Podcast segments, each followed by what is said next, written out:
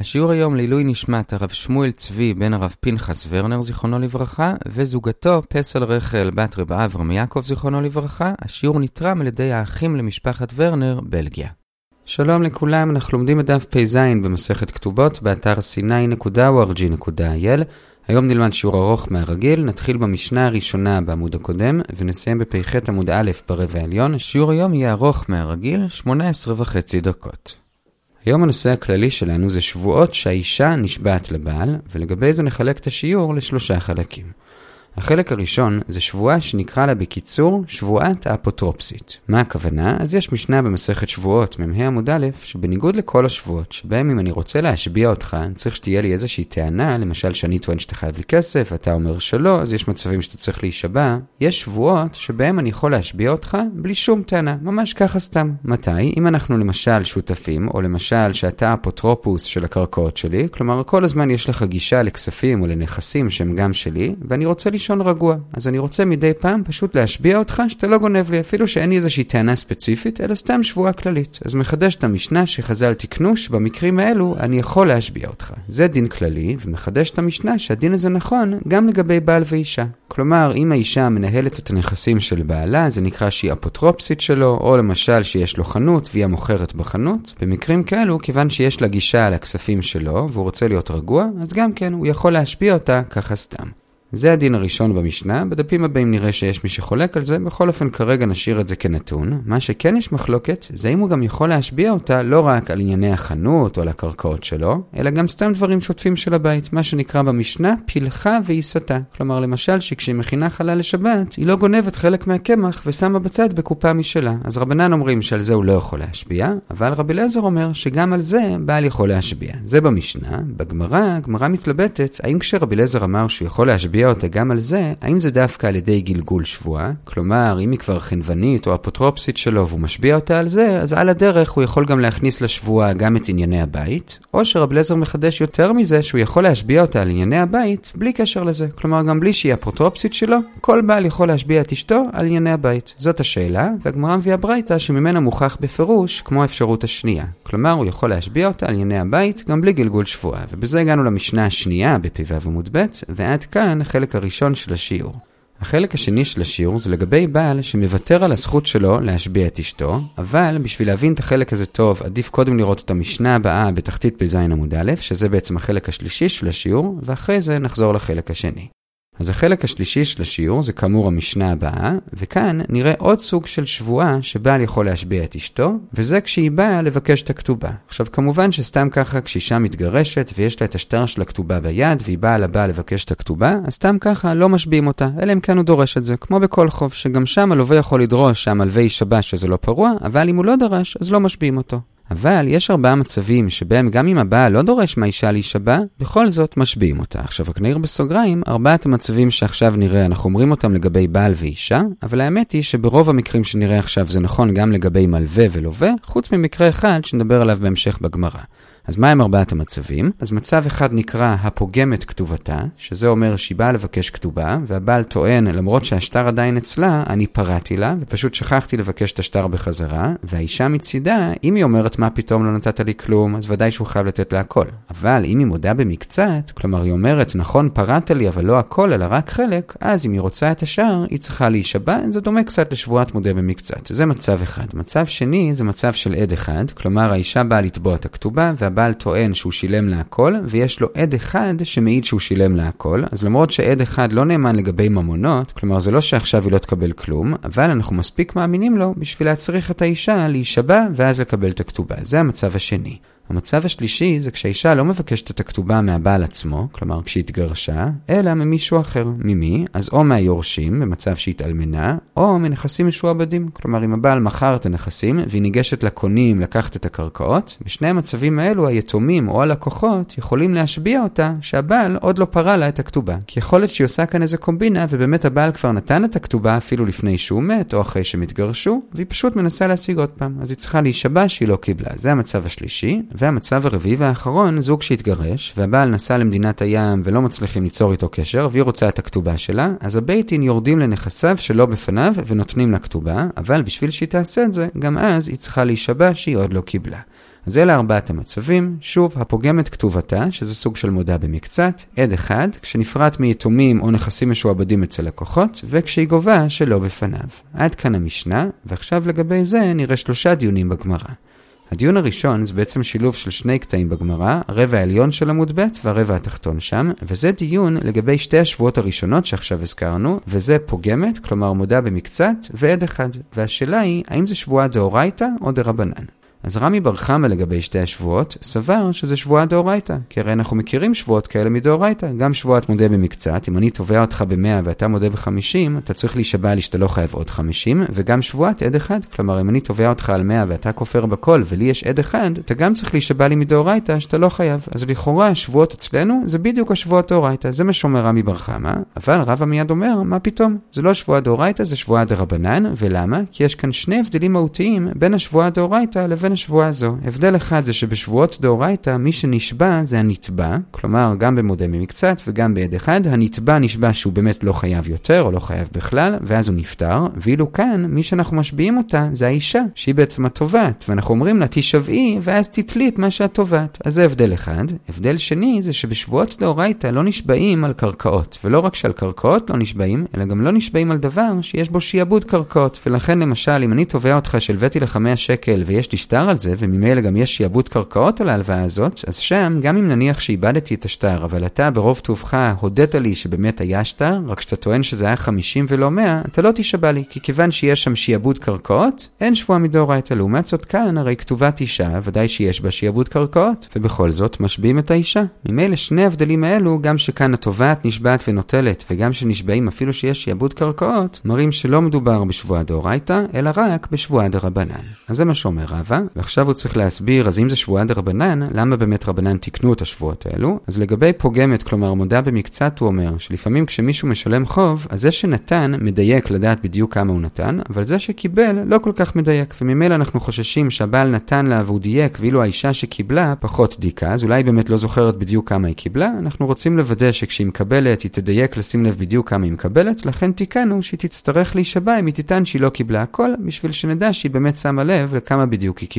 זה לגבי פוגמת. לגבי עד אחד, זה פשוט כי זה באמת די דומה לשבועת עד אחד של התורה, והרי סוף סוף לבעל יש כאן עד אחד, אז לפתור אותו בלי כלום ולהתעלם מהעד שלו זה לא נעים, אז בשביל להפיס את דעתו של הבעל ושלא יחשוב שהתעלמנו לגמרי מהטענות שלו, אנחנו משביעים את האישה, ואם היא תישבע, היא יכולה לקבל את השאר. עד כאן הדיון הראשון בגמרא, האם שתי השבועות הראשונות שהזכרנו הם מדאורייתא או מדרבנן.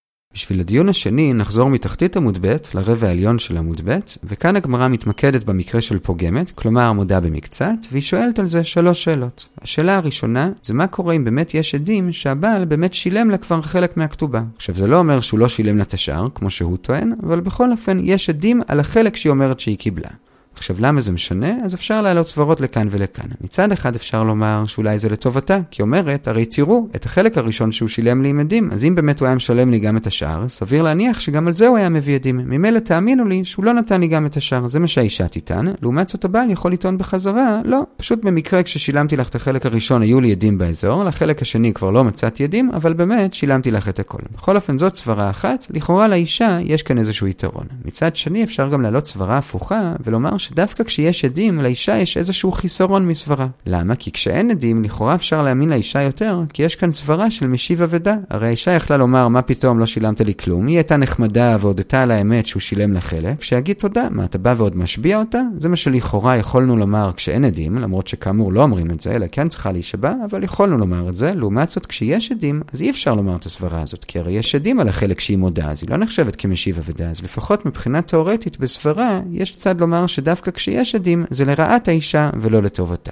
אז אלה הסברות לכאן ולכאן. עכשיו למעשה, הגמרא מנסה להביא ראיה מברייתא שזה דווקא כשאין עדים, אבל ביש עדים היא לא תצטרך להישבע, כי הברייתא לכאורה אומרת את זה בפירוש. היא אומרת, ואלו נשבעים ונוטלים, ומביאה רשימה של אנשים שנשבעים ונוטלים, ואחד מהם זה הפוגם שטרו, שזה בעצם המקרה שלנו, והברייתא מדגישה, הפוגם שטרו שלא בעדים, אז לכאורה משמע שאם זה כן בעדים, אז הוא לא צריך להישבע. זה הניסיון להוכיח, אבל הגמרא דוחה לפי הסברה השנייה שהזכרנו שהזכרנו ואומרת, אולי באמת לפי הברייתא, בין אם היו עדים ובין אם לא היו עדים, כן צריך להישבע. ולמה הברייתא הזכירה המקרה של שלא בעדים? הברייתא לא התכוונה לומר דווקא כשזה בלי עדים, אלא אפילו כשזה בלי עדים. כלומר, אפילו שכשזה בלי עדים, לכאורה יש מקום להעלות את הסברה של משיב אבדה, בכל זאת מחדשת הברייתא שלא, אלא היא כן צריכה להישבע. וכל שכן שכשיש עדים, גם אז היא צריכה להישבע. ממילא לסיכום, לגבי כשיש עדים, לא הצלחנו להוכיח לכאן ולכאן, האם גם אז היא צריכה להישבע או שלא. השאלה השנייה לגבי פוגמת שטר, זה מה קורה אם האישה לא רק אומרת שהבעל שילם לי חלק, אלא גם יודעת לפרט בדיוק. כלומר, היא רשמה לעצמה ביום ראשון, בכ"ח בחודש, הוא שילם לי 422.5,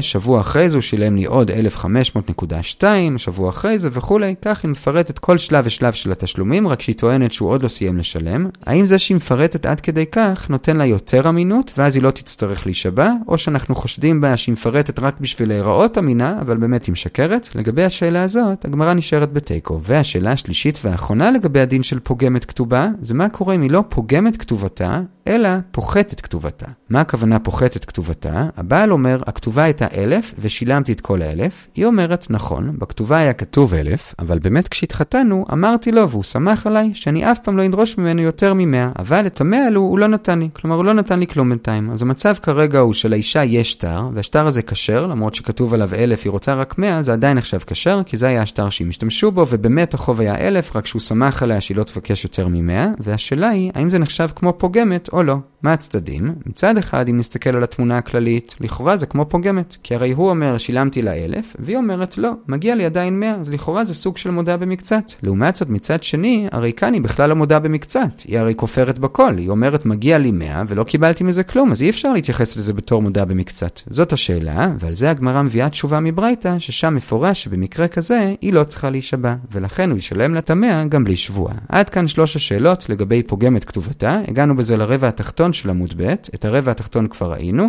אז עכשיו, בשביל הדיון השלישי והאחרון בחלק הזה, נדלג לשורה הראשונה בפ"ח עמוד א'. הדיון הזה הוא לגבי המקרה שלבעל יש עד אחד, ואז האישה צריכה להישבע, וכאן רב פאפה נותן תכסיס לבעל איך להפוך את השבועה של האישה משבועה דרבנן לשבועה דאורייתא, וכך האישה תיקח את זה יותר ברצינות ותפחד לשקר. איך עושים את זה? אז כאמור, אמרנו שיש כאן שתי סיבות למה זה נחשב כאן שבועה דרבנן, אז גם כי האישה היא התובעת והיא זאת שנשבעת, וגם כי יש כאן שיעבוד קרקעות. אז אומר רב פאפה, הבעל יכול לעשות תכסיס בסיס שעל ידי זה הוא יבטל את שתי הסיבות שאמרנו. מה הוא יעשה? הרי הוא מבחינתו כבר שילם את הכתובה, ולדעתו היא משקרת כשהיא אומרת שהיא לא קיבלה, אז הוא יבוא לאישה וייתן לה עוד פעם את הכתובה, ואז הוא יתבע אותה להחזיר לו את מה שהוא נתן לה בפעם הראשונה, כי הוא אמר לה, נתתי את זה סתם כמילווה, עכשיו נתתי את הכתובה האמיתית. עכשיו, למה זה עוזר לו? זה עוזר לו משתי הבחינות שאמרנו. גם זה עוזר לו בזה שעכשיו הוא זה שתובע אותה להחזיר לו, ולא היא תובעת אותו לתת לה, ממילא היא הנתבעת ולא התובעת, וגם זה עוזר לו שעכשיו אין שיעבוד קרקעות, כי הרי רק רק הנתינה השנייה היא הנתינה של הכתובה. לעומת זאת, הנתינה הראשונה היא כבר לא בשביל הכתובה, אלא היא הפכה למילווה, וממילא כבר אין כאן שיעבוד קרקעות, ולכן שתי הסיבות שאמרנו שזה לא שבועה דאורייתא כבר לא שייכות, ולכן זה הופך להיות שבועת עד אחד מדאורייתא. זה התכסיס של רב פאפה, האמוראים מקבלים את התכסיס באופן כללי, רק הם משפרים אותו קצת. שיפור אחד זה שאת הנתינה השנייה הוא יעשה בפני שני עדים, לא רק בפני עד אחד, כי אם הוא יעשה בפני עד אחד, היא תוכל להכחיש גם את הנתינה השנייה. שיפור שני זה שכשהוא נותן את הנתינה השנייה בפני שני עדים, הוא צריך להסביר להם את כל הסיפור. ולמה? כי אם הוא לא יסביר להם, האישה תוכל לחזור בה ממה שהיא אמרה שהיא לא קיבלה את הנתינה הראשונה, והיא תוכל לומר, בעצם קיבלתי גם את הראשונה וגם את השנייה, אלא שהיו לי שתי כתובות, ולכן הוא נתן לי פעמיים, ובאמת כל פעם שהוא נתן לי, החזרתי לו את הכתובה, וכך היא בעצם תרוויח פעמיים. עכשיו, אם היא תטען כזה דבר, זו טענה לא מאוד שכיחה, לכן סתם ככה לא נקבל את זה, אבל כאן אולי כן נקבל את זה, כי יש לה עד אחד שמסייע לה, כי הרי העד הראשון שראה את הנתינה הראשונה, ידע שזה לשם כתובה, ואחרי זה יש עוד שני עדים, שגם ראו את הנתינה השנייה, שגם היא לשם כתובה, אז יכולה כאמור לטעון, היו שתי כתובות. לכן הבעל צריך להסביר לעדים את כל הסיפור, וכך הם לא יאמרו שהיו כאן שתי כתובות, אלא הנתינה השנייה הייתה במקום הנתינה הראשונה שאותה היא הכחישה, אבל באמת הייתה כאן כתובה אחת. עד כאן התכסיס של רב פאפה, הגענו בערך לרבע העליון של פ"ח עמוד א', ועד כאן שלושת הדיונים בחלק השלישי של השיעור. בשביל החלק השני של השיעור נחזור חזרה לפ"ו עמוד ב' במשנה השנייה, והנושא של החלק הזה זה בעל שוויתר על הזכות שלו להשביע את אשתו. עכשיו לגבי זה במשנה יש רישא וסיפא, ברישא כתוב שהבעל יכול לוותר על הזכות שלו להשביע את אשתו או את היורשים שלה, והוא גם יכול לוותר על הזכות של היורשים שלו להשביע אותה או את היורשים שלה, זה ברישא. בסיפא מדובר בשבועת האפוטרופסית שדיברנו עליה במשנה הקודמת בחלק הראשון של השיעור, וגם שם הבעל יכול לוותר על הזכות הזאת להשביע את אשתו האפוטרופסית, גם בשבילו, וגם אם הוא רוצה, גם בשביל היורשים שלו. ושם מוסיפה המשנה, שאם באמת הבעל ויתר על הזכות הזאת, ואז הוא נפטר, אז כאמור לפי המשנה היורשים לא יוכלו להשביע אותה על מה שהיה לפני שהוא נפטר, כי הבעל ויתר על זה. אבל אם האישה ממשיכה להיות אפוטרופסית גם של היתומים, אז על מה שקורה מכאן ולהבא, הם כן יכולים להשפיע אותה לפי המשנה. זה הרישא והסיפא, שוב ברישא, הבעל יכול לוותר גם בשבילו, גם בשביל היורשים שלו, גם בשביל היורשים שלה. בסיפא, לגבי האפוטרופסית, אם הוא ויתר, אז באמת זה מועיל על מה שהיה בחייו. חייב, אבל אם היא ממשיכה להיות אפוטרופסית גם בשביל היתומים, אז היתומים כבר מכאן ולהבא כן יכולים להשפיע אותה. זאת המשנה, בגמרא נראה לגבי זה שלושה דיונים. הדיון הראשון זה לגבי הרישא. אמרנו ברישא שהבעל יכול לוותר על הזכות שלו להשביע את אשתו. באיזה שבועה מדובר? אז רב יהודה בשם רב לכאורה אומר שמדובר בשבועת האפוטרופסית שדיברנו עליה גם במשנה הקודמת וגם בסיפא של המשנה הזאת שאמרנו שהבעל יכול לוותר. הבעיה עם האפשרות הזאת זה שאומר רב מרדכי נכון שהבעל יכול לוותר, אבל זה לא סביר שרק על זה המשנה מדברת. כי הרי למה שאישה תדרוש מראש שהבעל יוותר על הזכות שלו להשביע אותה בתור אפוטרופסית? הרי מי אמר שהיא בכלל תהיה אפוטרופסית? לכן לא סביר שעל זה המשנה מדברת. אם כי זה נכון שהוא יכול לוותר, לכן אומר רב נחמן, המשנה לא מדברת רק על זה, אלא גם על הסוג שבועה שראינו בחלק השלישי של השיעור, וזה כשאישה באה ליטול את כתובתה, שראינו ארבעה מצבים שבהם משביעים אותה, וזה פוגמת או עד אחד, או כשהיא פורעת שלא בפני הבעל, ועל זה המשנה אמרה שגם על זה הבעל יכול לוותר. כאמור, לא על הכל, כי על היתומים לפי אבא שאול לא יכול, ומן הסתם גם על הלקוחות לא, אבל על שאר השבועות שם כן. אז זה ההסבר של רב נחמן במשנה שלנו, ועכשיו מה נעשה עם רב יהודה בשם רב? הרי הוא אמר שהמשנה מדברת רק על שבועת האפוטרופסית, אלא שמסביר רב אשי, זה לא נכון. רב יהודה בשם רב בכלל לא אמר את זה על הרישא של המשנה שלנו, הוא אמר את זה בכלל על הסיפא. ומה הוא אמר? אז זה בעצם מוביל אותנו לדיון השני בחלק הזה. הדיון השני זה לגבי הסיפא של המשנה כאמור. אמרנו שאם האישה הייתה אפוטרופסית של הבעל והבעל ויתר על הזכות שלו ושל היתומים להשביע אותה, אז היתומים באמת לא יוכלו להשביע אותה, אבל אם המשיכה להיות אפוטרופסית שלהם, אז הם יכולים להשביע אותה. והשאלה היא, האם אפשר להשביע אותה גם על הזמן שבין המיטה לבין הקבורה? ועל זה בא רב יהודה בשם רב ואמר שכן, כי רק על הזמן של חיי בעלה, על זה אי אפשר להשביע אותה, אבל מרגע הקבורה, על זה אפשר. זו דעת רב יהודה בשם רב. רב מתנה חולק על זה ואומר שעל הזמן הזה גם גם לא משביעים, כי זה זמן לחוץ ויכול להיות שהיא טעתה, אנחנו לא רוצים להשביע אותה על משהו שאולי לא תדייק בו ובסוף נגרום לה בטעות לשבועת שקר, לכן גם על הזמן הזה לא משביעים. אז זה בעצם הדיון השני על המשנה הזאת, על הזמן שבין המיטה לבין הקבורה.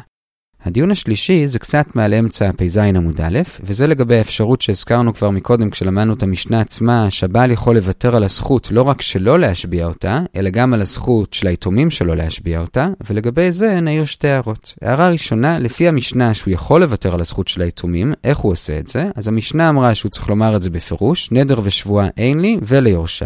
בגמרא מביאים עוד שני נוסחים, שזה כולל גם את היורשים, גם בלי שהוא אמר את זה בפירוש. נוסח אחד זה שהוא אמר נקי שבועה, לפי רבא זה מועיל גם לו וגם ליורשים, כאילו הוא אמר נקייה לגמרי משבועה, גם לא מהיורשים, זה לפי רבא, לפי רבי זכאי והבא שאול, הניסוח של נקי שבועה לא שונה מאשר אם הוא אומר אין שבועה, לפי רב יוסף, אדרבה, נקי שבועה זה עוד יותר גרוע, וזה לא פוטר אותה משבועה אפילו ממנו, כי זה כאילו הוא אמר לה תנקי רק על ידי שבועה, בכל אופן כאמור לפי רבא זה מועיל גם ליורשים.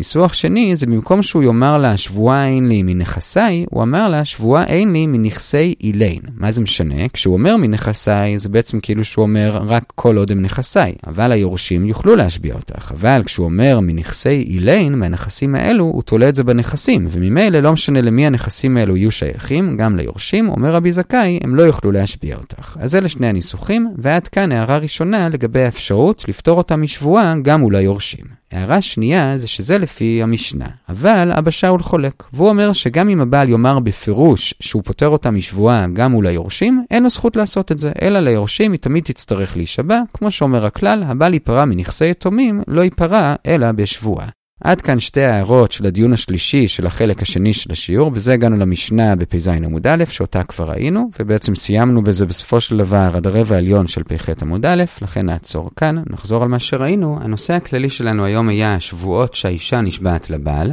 בחלק הראשון דיברנו על שבועת האפוטרופסית, שזה בעצם חלק מדין כללי, שאדם יכול להשביע את השותף שלו או את האפוטרופוס שלו גם בלי שום טענה, אלא ככה סתם בשביל להיות רגוע שהוא לא גונב אותו, אז גם בעל יכול להשביע את אשתו במקרה שהיא חנוונית שלו או שהיא אפוטרופסית שלו, אבל אם היא לא כזאת, אלא סתם אשתו והוא רוצה להשביע אותה סתם על ענייני הבית, כאן יש מחלוקת לפי מסקנת הגמרא, לפי רבנן לא, לפי רבי אליעזר כן. זה היה בחלק הראשון. משם דילגנו לחלק השלישי, שם במשנה ראינו עוד סוג של שבועה שאישה צריכה רוצה ליטול את הכתובה, כשסתם ככה היא ודאי לא צריכה להישבע, אבל יש ארבעה מצבים שבהם היא כן. ארבעת המצבים הם פוגם את כתובתה, כלומר הבעל טוען שהוא כבר פרע את כל הכתובה והיא טוענת שהוא פרע רק חלק. מצב שני זה שהבעל טוען שהוא פרע הכל והיא טוענת שהוא לא פרע כלום, אבל הבעל יש עד אחד לטובתו. מצב שלישי זה כשהיא תובעת את הכתובה לא מהבעל עצמו, אלא או כשהתאלמנה אז מהיתומים, או כשהבעל מכר את הנכסים המשועבדים אז מהלקוחות, ואז היא צריכה להישבע ליתומים או ללקוחות שהבעל עוד לא נתן את הכתובה. ומצב רביעי, אם הבעל או היתומים נסעו למדינת הים ואי אפשר ליצור איתם קשר והיא רוצה לקבל את הכתובה, אז היא צריכה להישבע שהיא עוד לא קיבלה, והביתי נותנים לה את הכתובה מהנכסים שלו שלא בפניו. אלה ארבעת המצבים שבהם נשבעים, זה המשנה.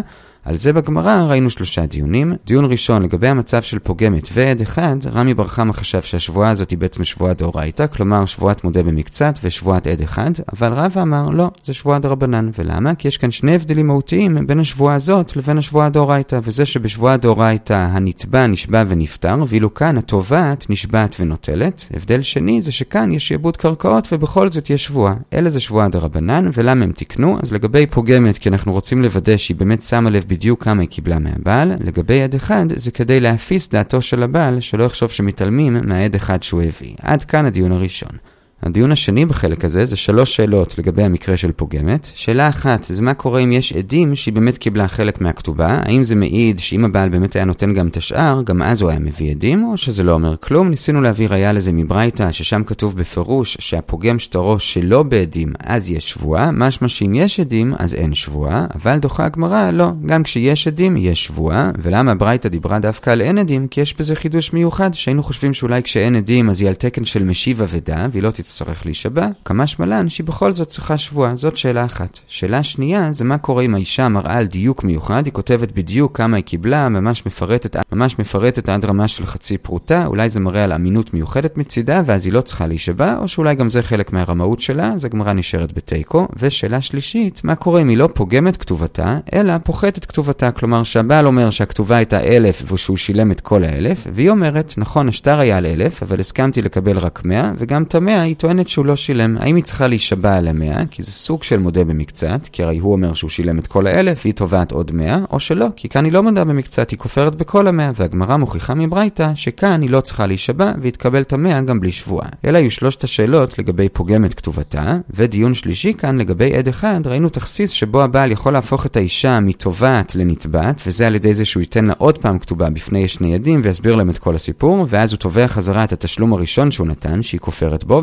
וכך היא הנתבעת, וגם כך אין כאן שיעבוד קרקעות, ואז על ידי זה הוא הופך את זה משבועה דרבנן לשבועה דאורייתא. זה היה בחלק השני. בחלק השלישי ראינו את המשנה השנייה בפ"ו עמוד ב', שם למדנו ברישא שהבעל יכול לוותר על הזכות שלו להשביע את אשתו, לגבי זה ראינו שלושה דיונים. הדיון הראשון היה באיזה שבועה מדובר, אז רב נחמן אמר שמדובר גם על השבועות שראינו בחלק השלישי של השיעור, כלומר כשהיא באה ליטול את כתובתה, ראינו ארבעה מצבים שהיא צריכה להישבע, כמו למשל בפוגם את כתובתה, לעומת זאת רב יהודה בשם רב לכאורה אמר שמדובר בשבועת אפוטרופסית, אבל רב מרדכי הקשה שמציאותית זה לא סביר שהאישה תדרוש כזה ויתור מראש, ולכן באמת רב אשי אמר שהוא לא דיבר על זה, אלא על החלק השני של המשנה. מה החלק השני? שאם האישה הייתה אפוטרופסית של הבעל ואז הבעל נפטר, היתומים לא יכולים להשביע אותה בשבועת האפוטרופסית על מה שהיה לפני שהבעל נפטר. אגב זה שאלנו מה לגבי הזמן שבין המיטה לבין הקבורה, לפי רב יהודה בשם רב על זה הם כן יכולים להשביע, לפי רב מתנה על זה הם לא. ודיון אחרון בחלק הזה, מה הוויתור של הבעל כולל? אז במשנה כתוב שהנוסח הבסיסי של הוויתור, כלומר אני לא אשביע אותך, זה כולל רק אותו ואותה. אם הוא רוצה לכלול גם את היורשים שלו ואת היורשים שלה בפנים, הוא צריך לומר את זה בפירוש. בגמרא אמרנו שיש עוד שני נוסחים שיכולים לעזור לכלול גם את היורשים שלו בפנים, וזה נקי שבועה לפי רבא, יש חולקים עליו, או מנכסי אילין, כלומר הוא מדגיש אז הנכסים האלו ולאו דווקא הנכסים שלו, וממילא גם כשהם אצל היורשים, היורשים לא ישביעו אותה. עכשיו זה לפי המשנה שלנו, שיכול לוותר על הזכות להשביע אותה גם בשביל היורשים שלו, אבל אבא שאול חולק על המשנה ואומר שליורשים יש זכות להשביע אותה, והבעל לא יכול לוותר בשבילם על הזכות הזאת. כל טוב.